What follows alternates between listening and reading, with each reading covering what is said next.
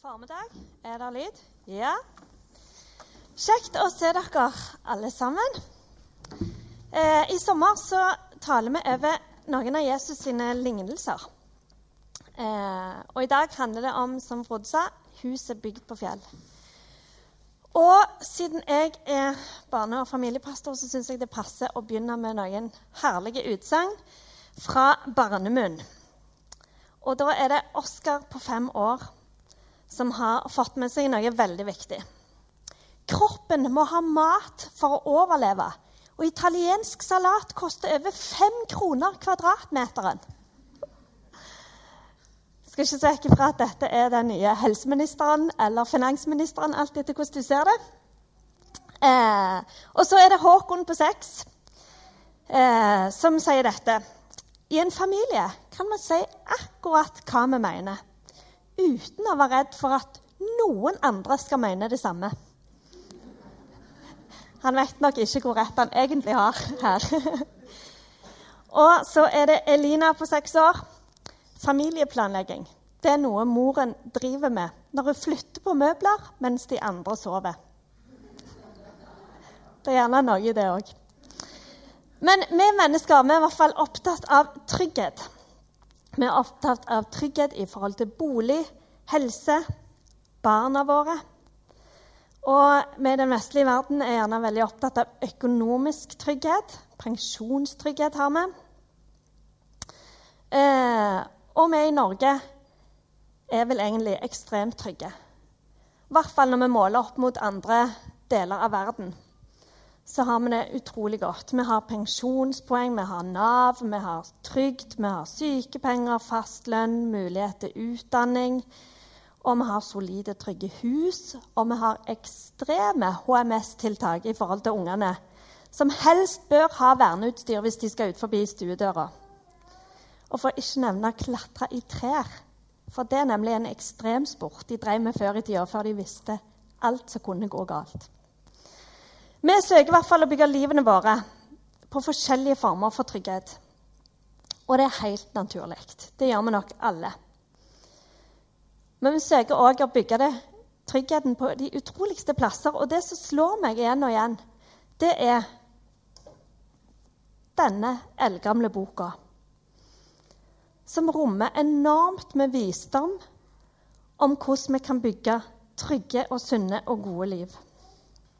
Det er, enten vi tror på Jesus eller ei, enorm livsvisdom å hente i denne boka.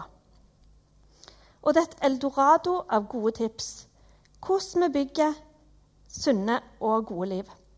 Og jeg tror det er det Jesus vil ha fram i lignelsen om huset bygd på fjell. Vi leser fra Matteus 7, 24-29. Hver den som hører disse mine ord og gjør det de sier, ligner en klok mann som bygde huset sitt på fjell. Regnet styrtet ned, elvene flommet, og vinden blåste.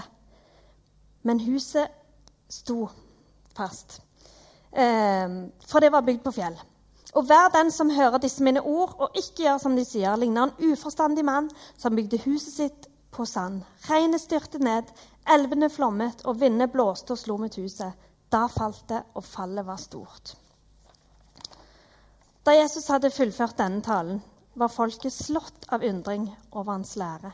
For han lærte det med myndighet, og ikke som deres skriftlærde. Dette er ikke en historie om bygget, sånn byggeteknisk vitenskap. hva slags jordsmonn som er best å bygge livet sitt på. Bygge livet sitt, ja, huset sitt på. Men det er en av lignelsene som Jesus bruker med en metafor om det å eh, bygge hus. Som et bilde på eh, det å skape et godt og sunt liv. Det er sterke bilder han bruker her. Men det er ikke for, eh, det er ikke for, at, for, å holde nede de som måtte velge noe annet, eller være ute etter å ta dem. Men det er i kjærlighet til oss, fordi han har skapt oss, og han vet hva som er best for oss. Og derfor, i kjærlighet, er det han gir oss denne nøkkelen som Bibelen kan være. Til å hjelpe oss til å håndtere dette livet, som ofte kan være så enormt utfordrende. Og det er mye visdom i Bibelen, bl.a. om å skape gode relasjoner. I Ordspråkene 15.1 så står det milde svar demper sinnet. Sårende ord vekker vrede. Tenk om vi klarte å leve etter dette ene verset. Hadde ikke verden vært et bedre sted å være hvis vi hadde levd etter denne ene leveregelen? Hvis jeg hadde klart å gitt Alexander og ungene milde svar når det gjerne kokte inni meg, hva hadde vel ikke det gjort? Og tenk videre, f.eks. i Midtøsten. Der, hvis de hadde klart å gi hverandre milde svar Det hadde jo blitt tryggere i verden. Jeg har denne våren gått på et kurs i coaching med Bernt André Torgussen på bildet her.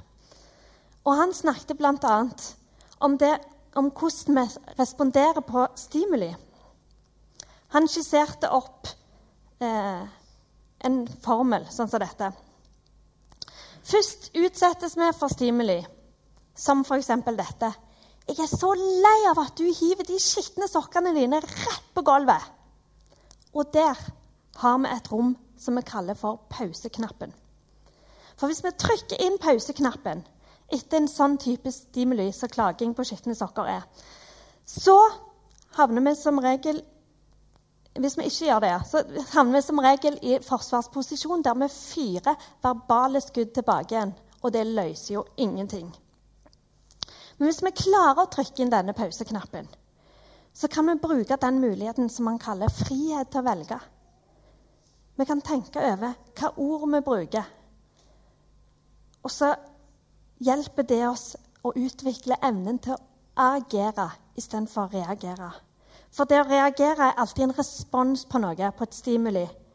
Mens det å agere betyr å handle, virke, utføre eller opptre som. Og det er mer en bevisst valgt atferd. Og dette er helt i tråd med det Bibelen sier i Årsborgene 15.1. At milde svar, det er dem... Nei, nå går meg helt ut. Milde svar demper sinnet. Sårende ord vekker vrede. Eh, altså Hvis vi responderer med å hive på enda mer sårende ord, så vekker det vrede. Så er vi i gang med krigen. Men hvis vi bruker denne pauseknappen, så kan vi få hjelp til å velge ordene våre. Så vi gjerne klarer å komme med milde svar. I Efeserne 4,26 står det:" Blir dere sinte, så synd ikke. Jeg liker utrolig godt dette verset, for det viser at Gud har skapt oss med et repertoar av følelser. Det står ikke at vi ikke skal bli sinte, nemlig. For sinne kan være bra å uttrykke.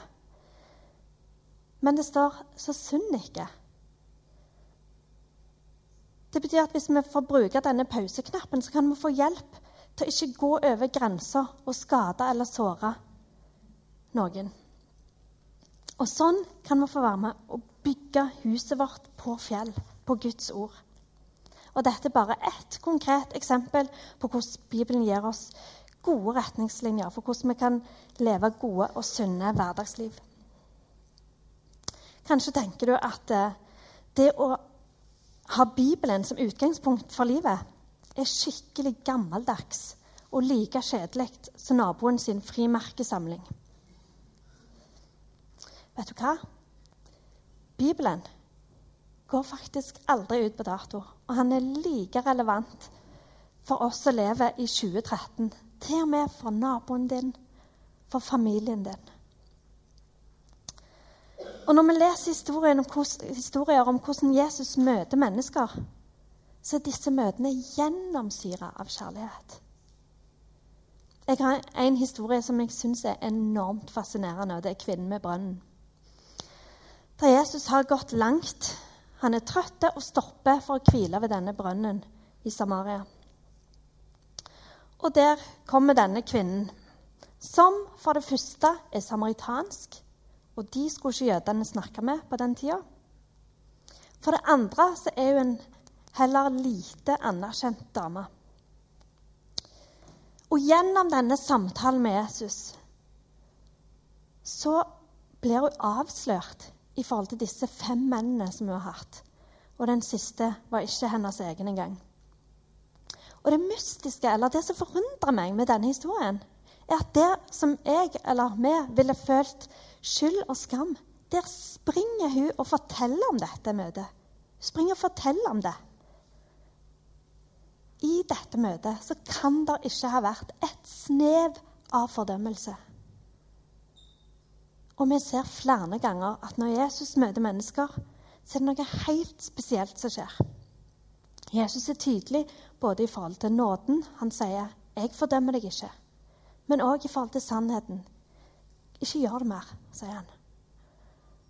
Og hva er det med Jesus som kan møte mennesker på en måte der de føler seg elsket og sett, selv om de blir avslørt på denne måten? Jeg tror Jesus sin måte å møte mennesker på, den viser oss hvor tilgjengelig denne kjærligheten er. Det handler om tro, og ikke om vellykka liv. Og jeg tenker at tro er en tilstand som er i bevegelse. Jesus snakker om tro som et sennepsfrø. Det er noe som utvikles ved rett næring. Og I møte med Jesus så stiller vi alle likt. Han inviterer oss alle til et liv sammen med han. Jesus tilbyr et godt liv.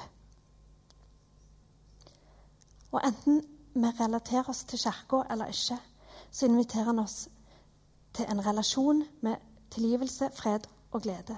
Og han fordømmer ingen. Men det er nok av eksempler på at vi er kristne eller Kirka har tatt den jobben, der vi har rota det til. Men Jesus tilbyr et godt og sunt liv der vi ikke er alene, men sammen med Han. Han har ikke tilbudt oss en dans på roser, men Gud vil være der gjennom alt vi opplever. I ordspråkene 4.22 står det Guds ord gir liv til den som finner dem, og helsebot for hele kroppen. Det er godt for oss, dette. Og er det noe Guds ord handler mye om, så er det kjærlighet. Vi har Johannes 3,16. For så høyt har Gud elsket verden, for at hver den som tror på Han, ikke skal gå fortapt, men ha evig liv. Så har vi de to store budene. Du skal elske Herren din Gud og den neste som deg selv. Og Jesus sier òg et nytt bud gir jeg dere. Dere skal elske hverandre. Som jeg har elsket dere, skal dere elske hverandre. Dette er å bygge huset ditt på fjell. Og vi har kjærlighetskapittelet i 1. Korinterbrev 13, som sier om du har alle mulige fancy og stilige gaver, om du gjør mye godt, men ikke har kjærlighet, da er det ikke så mye verdt. Og jeg vil utfordre deg, enten du allerede tror, eller du ikke gjør det. Våg å utsette deg for Jesus sin kjærlighet. Prøv å ta imot det som Gud vil gi deg. Enten det er for første gang, eller tredjefte gang eller hundrede gang. Gud har alltid mer å gi. Han går aldri tom. Tenk gjerne hvordan kan vi gjøre det, da? Jeg har et eksempel. For noen år siden så hadde jeg masse negative tanker eller stemmer inni hodet mitt som fortalte meg eh, hvor elendig jeg var, hvor lite verdifull jeg var, at jeg ikke fikk noe til, at jeg ikke var interessant for andre å være sammen med. Og vet du hva jeg oppdaget etter en stund? At ved å putte navnet mitt inn i Guds ord der det gikk an, så fikk det en enorm kraft inn i tankene mine. Jeg skal gi dere et eksempel. Fra Efeserbrevet, kapittel 1, står det Lovet være Gud, for Herre Jesu Kristi Far, Han som i Kristus har velsignet. Og så satte jeg inn Inger med all åndens velsignelse i himmelen. Og det ble sånn Wow! Det blir sterkt. Og videre I Kristus har han utvalgt Inger, satte jeg inn, før verden ble skapt. Prøv å ta inn det. Det er utrolig sterkt. Så hvis du sliter med fordømmelse eller snakker deg sjøl ned i forhold til det at Gud ønsker en relasjon med deg, Gud elsker deg, så gjør dette. Jeg anbefaler å begynne i Efeserbrevet kapittel 1. Det er vanvittig kraftig. så er det å erfare denne kjærligheten utgangspunkt for å elske de rundt deg. Enten det er ved å trykke inn denne pauseknappen når det koker litt, eller det å si med ord eller vise med handling at du bryr deg om de rundt deg. Og det er dette det handler om. Å bygge huset sitt på fjell. På Guds ord som en basis for et godt og trygt liv. Det betyr ikke at du slipper utfordringer, men det betyr at du får et kraftig redskap til å håndtere livets utfordringer. Og det betyr at du har Gud den allmektige med deg hver eneste dag. Og igjen ordspråkene 422. Guds ord gir liv til den som finner dem, og helsebot for hele kroppen. Og kanskje mange av oss har prøvd dette mange ganger, å få til det med Bibelen, men alt virker trøtt og kjedelig. Og jeg utfordrer deg ikke gi opp. For jeg har sjøl erfart begge deler. Både at det har vært perioder der det har vært skikkelig tørt, men òg hvor fantastisk levende og godt det kan være. Og det er app til dette til og med. Du kan laste Bibelen ned på smarttelefonen din, og det er masse forskjellige korte og lange avsnitt som du kan lese. Om så er, så start med ett vers. Det vil utgjøre en forskjell i ditt liv og du får begynne å bygge huset ditt på fjell. Og dette budskapet, som denne boka inneholder, har forandra liv i over 2000 år. Det har forandra mitt liv. Som 16- eh, eller 17-åring så fant jeg plutselig ut at det, det handler faktisk om en relasjon med Jesus, ikke om å liksom ha fatta den kristne teorien. Men det handler om en relasjon. Gud ønsker å være sammen med meg, og det forandra mitt liv radikalt. Enda mer radikal forandring ser vi hos Paulus, som var den heftigste motstanderen og forfølgeren av kristne. Som bare blir møtt av Jesus, og det bare blir en helt radikal forandring i hans liv. Jeg anbefaler deg å ta en nærmere titt. Prøv litt. Bygg én og én stein på dette fjellet. Og du vet sjøl hvor du er i byggeprosessen. Kanskje du er her i dag og er i ferd med å legge ned den første steinen på fjellet. Og da har jeg lyst til å oppmuntre deg. Det kommer til å holde. Fortsett å bygge. Og ta gjerne kontakt med noen, enten forberederne nede i bønnerommet ned trappa, eller en av oss pastorer, eller den du kom sammen med. Eh, og flere av oss har gjerne bygd hele grunnmuren på dette fjellet. Men så har det stoppa litt opp for oss. Kanskje vi er utsatte fordi plutselig kom mannen i vårt liv, og så kom det én baby, og så kom det én baby til, og tre babyer kanskje, og en travel jobb og alt det der. Eller kanskje det kom noen skuffelser og nederlag inn som gjorde at det stoppet litt opp. Kanskje du har til og med opplevd at huset har rast. At ting ikke gikk sånn som du hadde tenkt. Enten det gjelder ekteskap, familie eller økonomi eller hva det måtte være. Og jeg tror mange av oss òg kjenner oss igjen i dette at vi bygger i rykk og napp. Uansett hvor du vil plassere deg eller ikke plassere deg, så er i dag en ny dag, en ny mulighet for deg. I dag kan du få begynne å bygge huset på fjell. Og min svigerfar har sagt at det, å bygge et hus det er noe du på en måte gjør litt hele tida. Det blir liksom aldri ferdig. Du finner nye ting hele tida. Og i dag kan vi få begynne eller fortsette å bygge. Skal vi be? Far, jeg takker deg for din enorme kjærlighet til oss. Herre, takk for at du sendte din, din sønn i døden, Herre. For at vi skulle gå fri, for at vi skulle få denne muligheten til å bygge huset vårt på fjell, til å bygge livene våre på ditt ord. Du som bare vil det beste for oss. Du som har utrolige tanker og visjoner og drømmer og spennende ting for livene våre.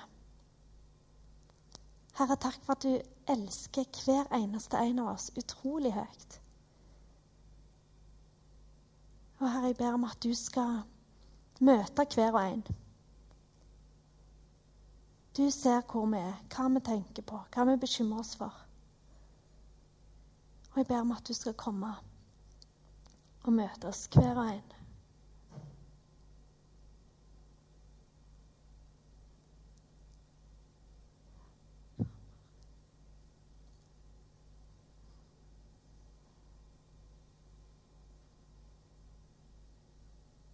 Kom, Hellige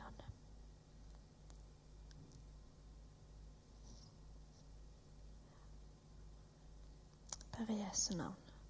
Amen.